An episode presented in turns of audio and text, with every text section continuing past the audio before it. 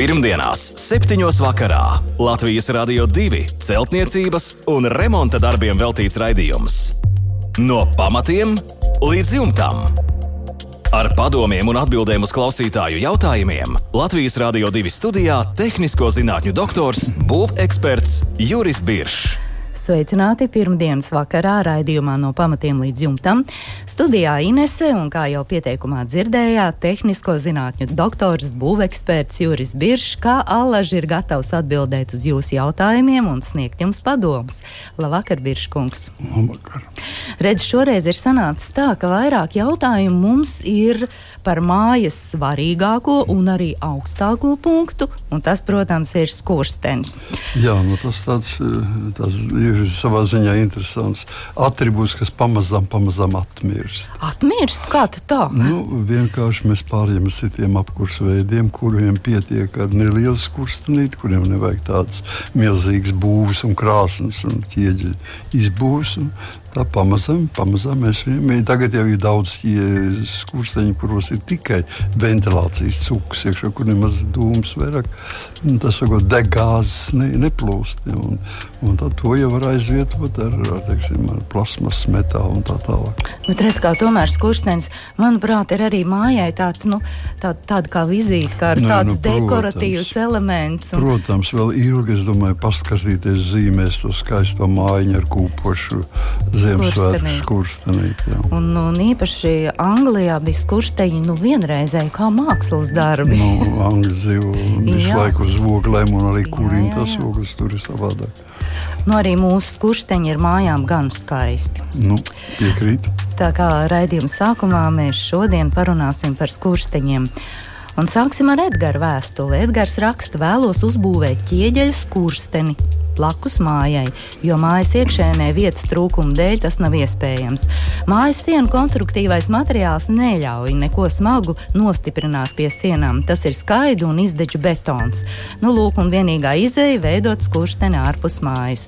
Paredzēts ir ķieģeļu skurstenis ar nerūsējošā tērauda čaulu vidū un siltinājumu tam apkārt. Raksta Edgars, un tagad sāksim ar jautājumiem. Un pirmais Edgars jautājums ir tāds, cik dziļus un platus jāveido pamatus, ja kopējais skursteņa augstums būs apmēram nu, 5 metri, izmērā 50 x 50 cm. Grunts virskārta ir melnzeme apmēram pusotras lāpstas dziļumā, pēc tam smilts. Ir doma bedri rakt arī pusotra metra dziļumā, 30 cm piebērt šķembas, akmeņus, sadauzītus vecus ķieģeļus, pa virsmu tam smiltis un tad daudz ūdens, lai sablietē visu. Morētie pamati būs 1,20 m dziļumā, pamatu pēdu platumā domāju taisīt 80 x 80 cm rakstē Edgars, augstumā 30 cm. Tad no 90 cm dziļuma līdz zemes virskārtai pamatus 60 x 60 platumā. Virs zemes tādā pašā izmērā līdz tādam augstumam kā mājas pamati. Un tagad jautājums, vai Edgara doma ir pareiza un laba? Ko jūs teiksiet, Biržkungs? Nu, man ir diezgan grūti pateikt, tāpēc, ka tā tomēr ir konstrukcija. Ja, Pieci metri konstrukcija. Mūsu Latvijas apstākļos ir tomēr vēji, sevišķi rudenī.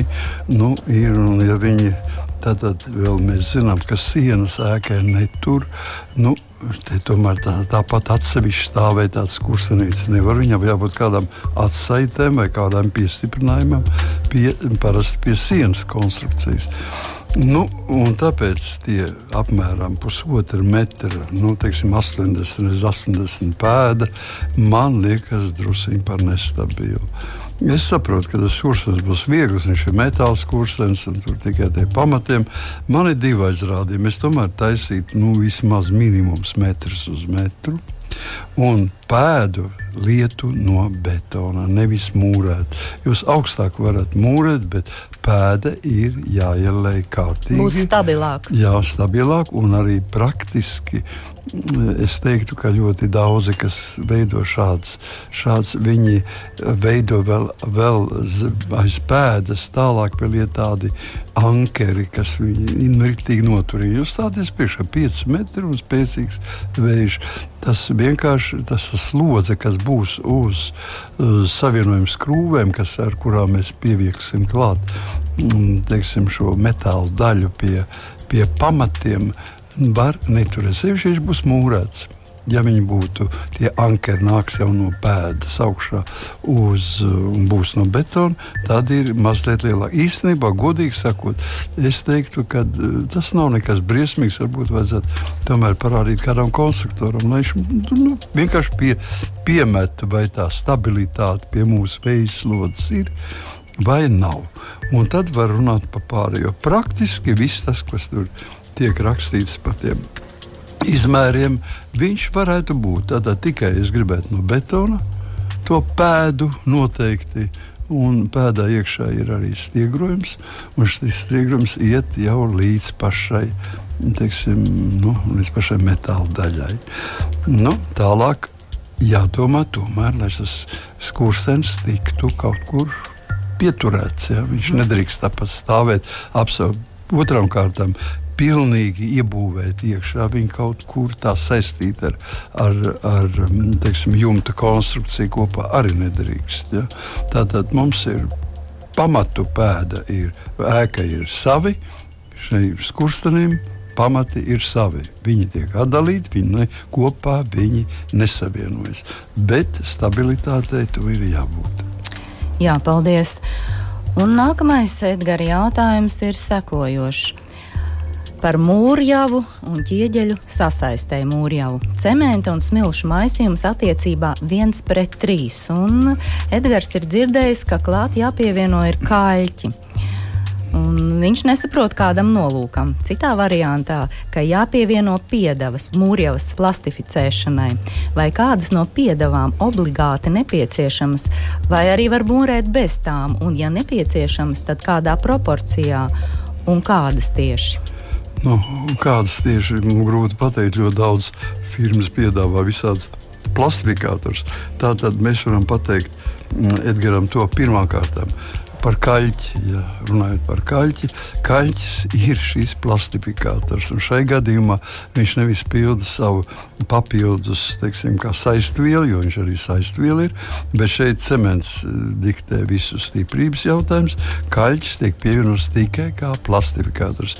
Ja jūs kaļķi nepievienojat, tad liekam nu, plastificējušās ķīmiskās piedevas.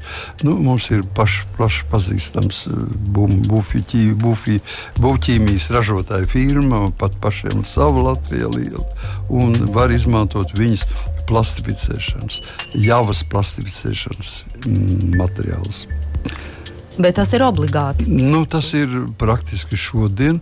Nu, mēs varam teikt, tā, ka apmēram 90% no visiem, ko Latvijā lieto mm, būvjavas, ir ar plastifikāciju. Mm -hmm. nu, tas rāda vienkārši līmeni. Ja, protams, ka var iztikt arī bez, bet tad kvalitāte būs nedaudz sliktāka. Ja. Mazāk slīdēs, mazāk salips, mazāk teiksim, viss šis nu, teiksim, mūrnieks, ja pievieno klāt plastifikātu, viņš saka, tas ir tā, tas ir skaisti, mūrēt var ļoti jauki. Jā, bet droši vien jau ir uh, nopērkama un sagatavota attiecīgi maisījumi, ja pats negrib uh, var maisīt arī, jā, jaukt. Protams, ka var. var tā visos šajos mūrjavā, ar kurām mūrē, teiksim, ķieģeļus vai mūrē uh, krāsniem, vai šajā gadījumā skursteniem mūrē, tad ir speciāli šādi sastāvdaļas. Tur jau viss ir sagatavots, tikai pievienojot ūdeni. Jā, paldies!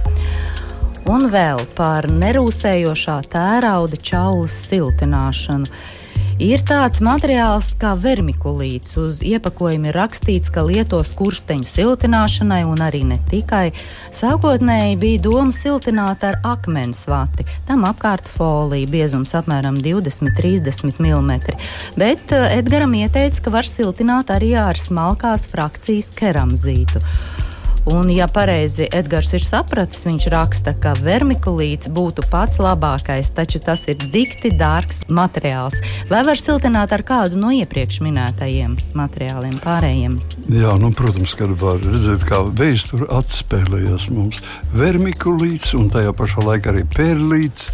Tie bija savienības laika materiāli, kurus tad, nu, savienībā ieguva, karsēja, uz, viņi uzpūtās un veidojās vieglas, vieglas iezas, uzpūstais iezas. Un, uz šīs bāzes tika veidot gan permikulīti, gan perlīti siltumizolācijas. Un viņas arī bija gan beramā veidā, gan čaulu veidā dažādi. Tagad tas atkal nāk modē. Ja? Jā, Toreiz tas bija viss tas lētākais un vienkāršākais. Šodien mēs sakām, ka tas ir dikti dārgs materiāls. Nu, tāpēc bieži kungs, ka tas ir dabas materiāls. nē, nē, nu, jebkurā gadījumā es teikšu, ka akmens vati nevar salīdzināt pēc siltumtehniskām īpašībām. Ne ar fermi, vermikulītu, ne ar perlītu. Nu, praktiski nu, par keramzītu vispār nerunāsim keramzīts ir nu, vismaz divas reizes vājāks siltumizolācijas materiāls, kā teiksim, šie iepriekš nosauktie. Bet uh, akmens vate, kas jau ir sagatavota čaulās un ar visu atstarojušo materiālu, tātad ar, mm, ar šo foliju uh, riņķi ir pats labākais materiāls. Es domāju, ka viņš arī pats lētākais šeit šodien ir. Mm -hmm. Nu, redz, reti ir tāda sakritība, ka ir pats labākais un arī lētākais. Jā, nu, es tikai gribētu vēl Edgars teikt, ka uh, jebkurā gadījumā Latvijas klimatiskos apstākļos skurstenis, kas atrodas ārpus ēkas, tad pie ēkas, ir problēma. Ja? Jo tas nozīmē, ka viņam jābūt ļoti labai biezai un labai siltuma izolācijai, viņam jābūt stabilam un jā, galvenais jāskatās, lai viņš nesvīstu. Ja? Tad... Nu, jā. Bet, nu, redz, tā skursteņa konstrukcija jau ir ļoti atkarīga no apkurses veida, ar ko tiks kurināts. Piekrītu, piekrītu. Arī tur nu, ir tik daudz variantu un nu, iespēju. Es domāju, ka uh, droši vien tas ir koks vai, vai teiksim, koku bāzes veidot produktu. Atcīm redzot, tas ir šai gadījumā, ja mēs izvēlamies šādu lielu. Jā, tik stabilu un lielu. Jā. Jo es lasīju par skursteņiem, ka ir pat plasmas čaulas skursteņi, kāzas apkurē. Nu, gāzes apkūra. nu, jā, tas ir. Šeit jābūt ļoti uzmanīgam. Arī tā, tas tā plasmasa ir jau plasmas, kas iztur ārkārtīgi augstas temperatūras. Ja? kas iztur vairāk gan kā, kā metāls. Tāpēc nu, jā. šeit var būt dažādi varianti. Nu, katrā ziņā mēs novēlam Edgars veiksmi un lai izdodas uzmūrēt tiešām skaistu, stabilu, izturīgu un ilgi kalpojošu skursteni. Pie viena noteikuma tomēr varbūt ar konstruktoriem parunājam mazliet. Tā tomēr ir būve augsta 5 metri. Tāpat stāvēt atsevišķi šāds būve nevar. Viņai jābūt kaut kur piesaistītai. Pirmdienās, 7. vakarā Latvijas Rādio 2 celtniecības un remonta darbiem veltīts raidījums. No pamatiem līdz jumtam. Ar padomiem un atbildēm uz klausītāju jautājumiem Latvijas Rādio 2 studijā - tehnisko zinātņu doktors, būveksperts Juris Biršs.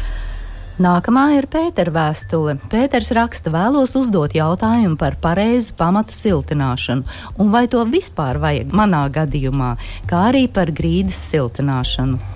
Vai pamats ir jāsiltina, ja tie ir augstāki par virszemi, raksta Pēters. Ja salīdzina istabas grīdas un ārā līmeni, tad sanāk, ka tā vietām ir pat par 50 centimetriem augstāka par pagalmu.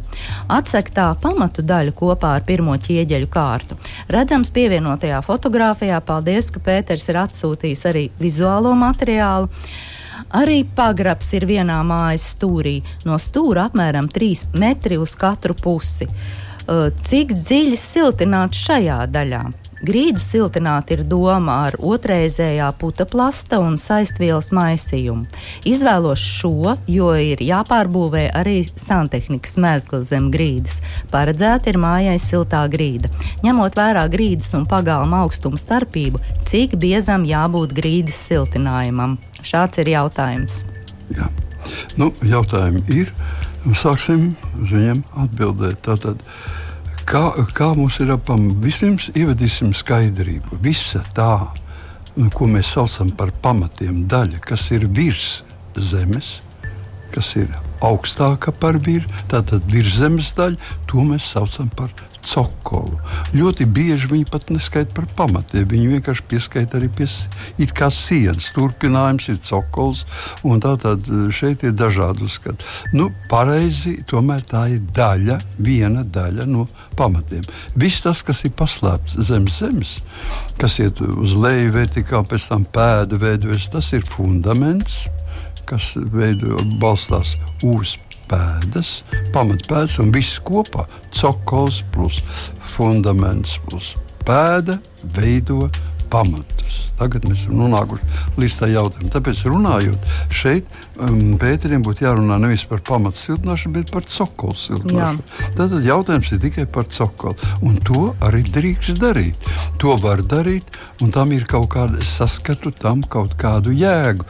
Jo, teiksim, sals, kas atrodas virs zemes, viņš var Tātad mēģināt iekļūt ēkā arī pagrīdē. Ja?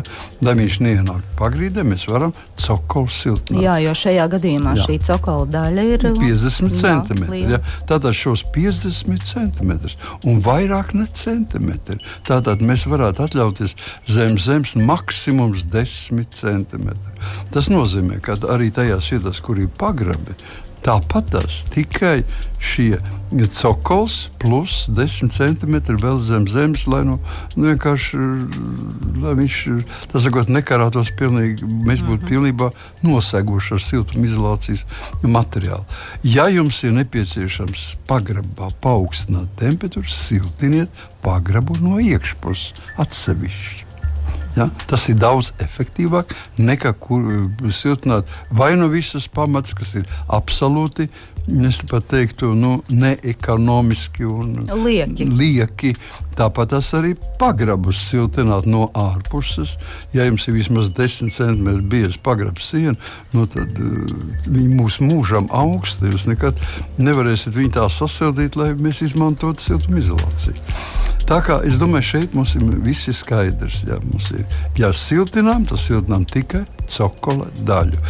Dažos gadījumos, ja mums ir tiešām tādi 50 centimetri un, un, un teiksim, viņi ir pildīti ar kādu no siltumizolācijas materiāliem, tad var vispār nesiltināt viņus. Mm -hmm. Nekas briesmīgs nenotiks, jo mēs paši dzīvojam 50 centimetru augstāk. Tātad grīdas siltinājums ir daudz, daudz svarīgāks šajā gadījumā.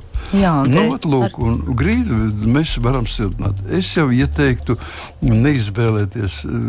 Nu, tas katrs šie jaunie materiāli, un, nu, viņi tik un tā ir otrreizē. Katrā gadījumā viņi ir sintētika. Ja? Tas ir putu plasts. Nu, es saprotu, zem grunts un pamatu līmenī temperatūra ir gandrīz vai nemainīga, un viņš tur saglabāsies maksimāli ilgi. Kaut gan Manā skatījumā vispareizākais būtu vienkārši pielietot keramzītu. Šai gadījumā vidējas frakcijas keramzīta, ar kuru mēs varētu sildināt, siltināt visu šo cokola daļu, biezumā, cik nu jums vajag. Un tā gadījumā šajā keramzītā varētu paslēpt gan santehniku, gan citas tehniskas ierīces, kuras vajag iedziļināt. Un tad virs viņa veido šo grīdu, betonu grīdu. Jā, paldies par atbildi Pēterim. Ivars raksta, vai membrāna ar iedobēm nodrošina pamatu laukakmeņu mūris, hidroizolāciju vai tikai vēdināšanu. Savienojuma vietas nav hermētiskas, vai drošāk nav veidot hidroizolācijas kārtu un tad pamatu veidināšanas kārtu no membrānas. Tā ir pumpainā membrāna. tā ir tā pumpainā membrāna, jā, pilnīgi pareizi. Tātad vai membrāna nodrošina pamatu hidroizolāciju vai tikai veidināšanu? Ne hidroizolāciju, ne, tika, ne tikai hidroizolāciju, hidroizolāciju vispār viņa nenodrošina nekādu. Tāpēc viņa ir savienojuma vietās, nav hermetiska. Bet veidināšana, ne tikai veidināšana, viņa mums nodrošina visu mitrumu auguma izvilkšana ārā no pamatiem. Ja Ivars izveidos konstrukciju ar uh, vertikālo hidroizolāciju, noizolēs un tad liks membrānu, efekts būs nu, vismaz viena trešā daļa no tā labuma. Pamati būs jums slapji. Tiklīdz jūs veidojat pamatu vertikālo hidroizolāciju, tā pamata ir slapja. Atceramies, iekšpusē pamata nav hidroizolēta, apakšā pamata nav hidroizolēta. Ūdens iet tur iekšā. Tikai tas, ka mēs priekšā nosmērējam ar, ar melno smāķi, nenozīmē, ka ūdens tagad viss no vairāk nekur nāks tikai no priekšā un lauzīsies cauri. Nē, ūdens iet no apakšas, no otras puses. Tas tā vertikālā hidroizolācija Latvijas apstākļos, individuālā būvniecība, ja jums nav pazemes garāžas, ir absolūti ne, nevajadzīga. Ja? Praktiski mūsu tēvi tēvi nekad ar tādām vertikālām eh, hidroizolācijām nav nodarbojušies. Tas ir tāds nu, kā, kā saka, ieteikums, jebkurā gadījumā. Kas notiek, ja mēs liekam tikai pareizs nosaukums telpiskai geomembrānai vai tautā nosauktajam pumpainai membrānai ir pareizi pareiz, pielietojums, ir tikai, tikai viens, kas ir nepieciešams. Tā ir drenāža. Tā ir drenāža, kas atdala grunti no pamatu sienas. Mhm. Pamatsienas veido gaisa spraugu, kā, ja, kur nevar aizvērties, jo pumpiņas neļauj. Un lūk, šajā, šajā spraugā Jo pie ēkas ir siltāks kā ārpusē. Ja? Pie ēkas ir siltāks, tur viss mitrums izgaro un dodas uz augšu. Dodoties uz augšu, viņš neizbēgami rada ežekcijas efektu. Nu, ežekcija, kas ejot garām, rauj līdzi kaut ko. Un tādēļ, ejot gar pamatiem, viņi rauj ārā no pamatiem mitrumu. Jūsu pamati katru stundu, katru dienu, katru gadu paliek sausāki, sausāki un sausāki. Ja jūs uzliekat vertikālo hidroizolāciju, jūs samierināties ar mūžam slapjiem pamatiem. Viss ir skaidrs, vajadzīga tikai pumpainā membrāna un viss tikai, būs kārtībā. Jā. Jautā klausītājs. Nākamais klausītājs ir Sandris. Līvānu māja, mainītas ārsienas brusas, pa vidu vate, no ārpuses mitrumizturīgais OSB, no iekšpuses elpojoša plēve un rīģipsis. Vēlos siltināt no ārpuses ar akmens vati. Vai akmens vati varu klāt pie OSB, vai gaisa ventilācijai vajadzīgas latiņas? OSB ir gadu stāvējis uzlikts Nu, tas nu, ir ilgs laiks, kopš šķiedras plāksnēm. Visi, visi pareizi. Jautājums tikai paliek viens. OSB ir bezgalīgi dažāds Daudz, pēc biezuma. Ja? Vispār pēc biezuma, pēc dažādām viņa īpašībām. Nu, bet šajā gadījumā ļoti svarīgs būtu biezums. Ja šis OSB, kas jau nostāvējis ir gadu, un tādā mazliet no ārpuses ir ir uh, nu, nu, nu, nu, tātad, nolietojies, kā saka, laika zoba kosts. Tā, ja viņš ir biezāks no desmit un uz augšu, tad tas nozīmē, ka mums ir pirms mēs liekam virsū vati, mums viņš ir jāperforē. Tas nozīmē, ka nu, pēc 20, katriem 20, 30 centimetriem mēs ar urbīti, mm, četrnieku vai piecinieku ātri izurbjam viņu cauri. Mm, un, un tad liekam uz šādas virsmas, liekam virsū vati. Tad mums gaisa sprauga nav vajadzīga. Jo, ja mēs taisīsim gaisa spraugu, mēs nedaudz zaudēsim Nu, jūs saprotat, mēs nevaram likt aiz uh, tāda gaisa sprauga ar augstu gaisu un tad pēc tam ārpusē siltumizolācija. Tas jau neder nekam. Mm -hmm. Jā, paldies par atbildi Sandrim. Un pēdējā vēstule, kuru mēs paspēsim šovakar atbildēt, ir no Ivara. Iegādāta akmens mūra māja, rakstīja Vars, kura no iekšpuses bija apmūrēta ar ķieģeļiem. Ķieģeļi bija bojāti un tāpēc tika nojaukti. Ar ko pareizāk apšūt šo mūra sienu? Bija doma ar 100 mm gāzbetonu blokiem. Ja apšoja ar gāzbetonu vai starp mūri un gāzbetonu ir vajadzīga ventilācija. Un kādu grīdu labāk ierīkot šādā akmens mūra mājā? Pamatiem ventilācijas lūku nav. Jā. Nu, šeit ir arī daudz atbildes dotas. Ir, un, cilvēkiem mazliet atkal redzēt, mēs tā lēnām laikam iz, mēģināsim izglītot mūsu mm, nu, teiksim, latviešu tautu, kura ceļ kaut ko dara. Redziet, pilnīgi pareizi. Starp diviem dažādiem materiāliem, lai viņus savienojot kopā, gribam vai negribam, vienmēr paliks kaut kāda neliela sprauga. Tad starp akmens mūri un starp gāzbetonu. Mēs nevarēsim tā viņu pielīmēt klāt, un tas nebūtu arī vajadzīgs, lai tur nepaliktu galīgas spraugas. Vai tā sprauga ir vajadzīga? Nē, viņa nav vajadzīga. Latvijas būvlikumi saka, ka ārsiena, ja viņa sastāv no vairākiem materiāliem, nedrīkst saturēt nekādus tukšumus, eh, sakot, gaisa spraugas, dobumus un tā tālāk, kas nav ventilējami. Ja, ja mēs veidojam šeit gaisa spraugu, kas ir ventilējama, tas ir tad viss ir kārtībā, bet siena būs augsta. Ja? Tātad, laimi, ko mēs varam šajā gadījumā darīt? Ieģeļi noņemt nost, mēs varam likt virsū uz akmens mūra, likt virsū akmens pati. Ja? Tātad siltumizolācijas materiāli, un tūlītās viņam klāt, nu, teiksim, manā skatījumā vislabākais nebūtu gāzbetons, kas ļoti kāri uzņem mitrumu, bet tas mitrumam pēc tam būs kaut kur jāizdod ārā ar akmens sienu grūti. Tāpēc labāk būtu ņemt keramzīti. Vai FIBA blokus. Ja? FIBA blociņi no attiecīgā izmērā, tātad siltumizolācija un FIBA blociņi, kas nodrošinās jums visu sienas, nu, tās siltās sienas nu, konstrukciju. Mm -hmm. Jā, paldies par atbildi Ivaram. Un vēl bija jautājums, kādu grīdu labāk ierīkot šādā mājā. Nu, droši vien tas ir galvas nu, jautājums. Jau, nē, nē, praktiski, praktiski viss ir pareizi. Tur jau Ivars raksta, pamatiem ventilācijas lūku nav. nav. Tā tas nozīmē, ka nu, nekādā veidā mēs netaisīsim jaunas lūkas, necirtīsim caurums pamatos, un mēs atsakāmies no acīm redzot, agrāk jau bija tur augstā pagrīde. Mēs mēs atsakāmies no augstās pagrīdes, ejam uz siltināto pagrīdi.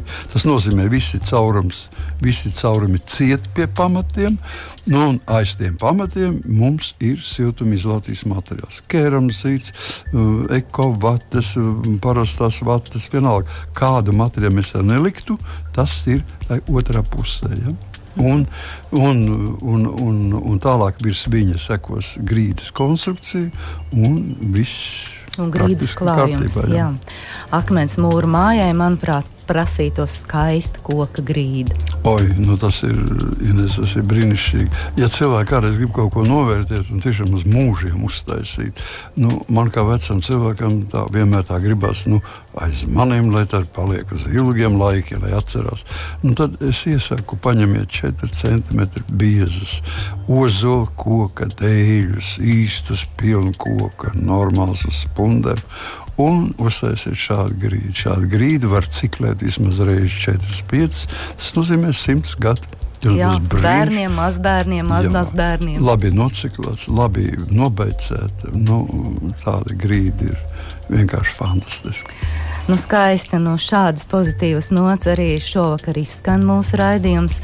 Paldies jums, klausītāji, par jautājumiem. Rakstiet, uzdodiet savus jautājumus jo kļūdas būvniecībā remonta darbos novērst ir tiešām grūti un dārgi, un tā, tā labi. Labs padoms jums noteikti noderēs. Mūsu e-pasta adrese remonds at lr2.lv.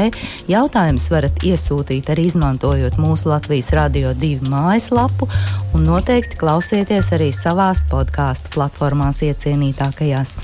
Šovakar, Biržkungs, liels paldies par jūsu darbu! Un tiksimies jau pēc nedēļas! Visu labu! Pirmdienās, 7. vakarā Latvijas Rādio 2 celtniecības un remonta darbiem veltīts raidījums. No pamatiem līdz jumtam. Ar padomiem un atbildēm uz klausītāju jautājumiem Latvijas Rādio 2 studijā - tehnisko zinātņu doktors, būveksperts Juris Biršs.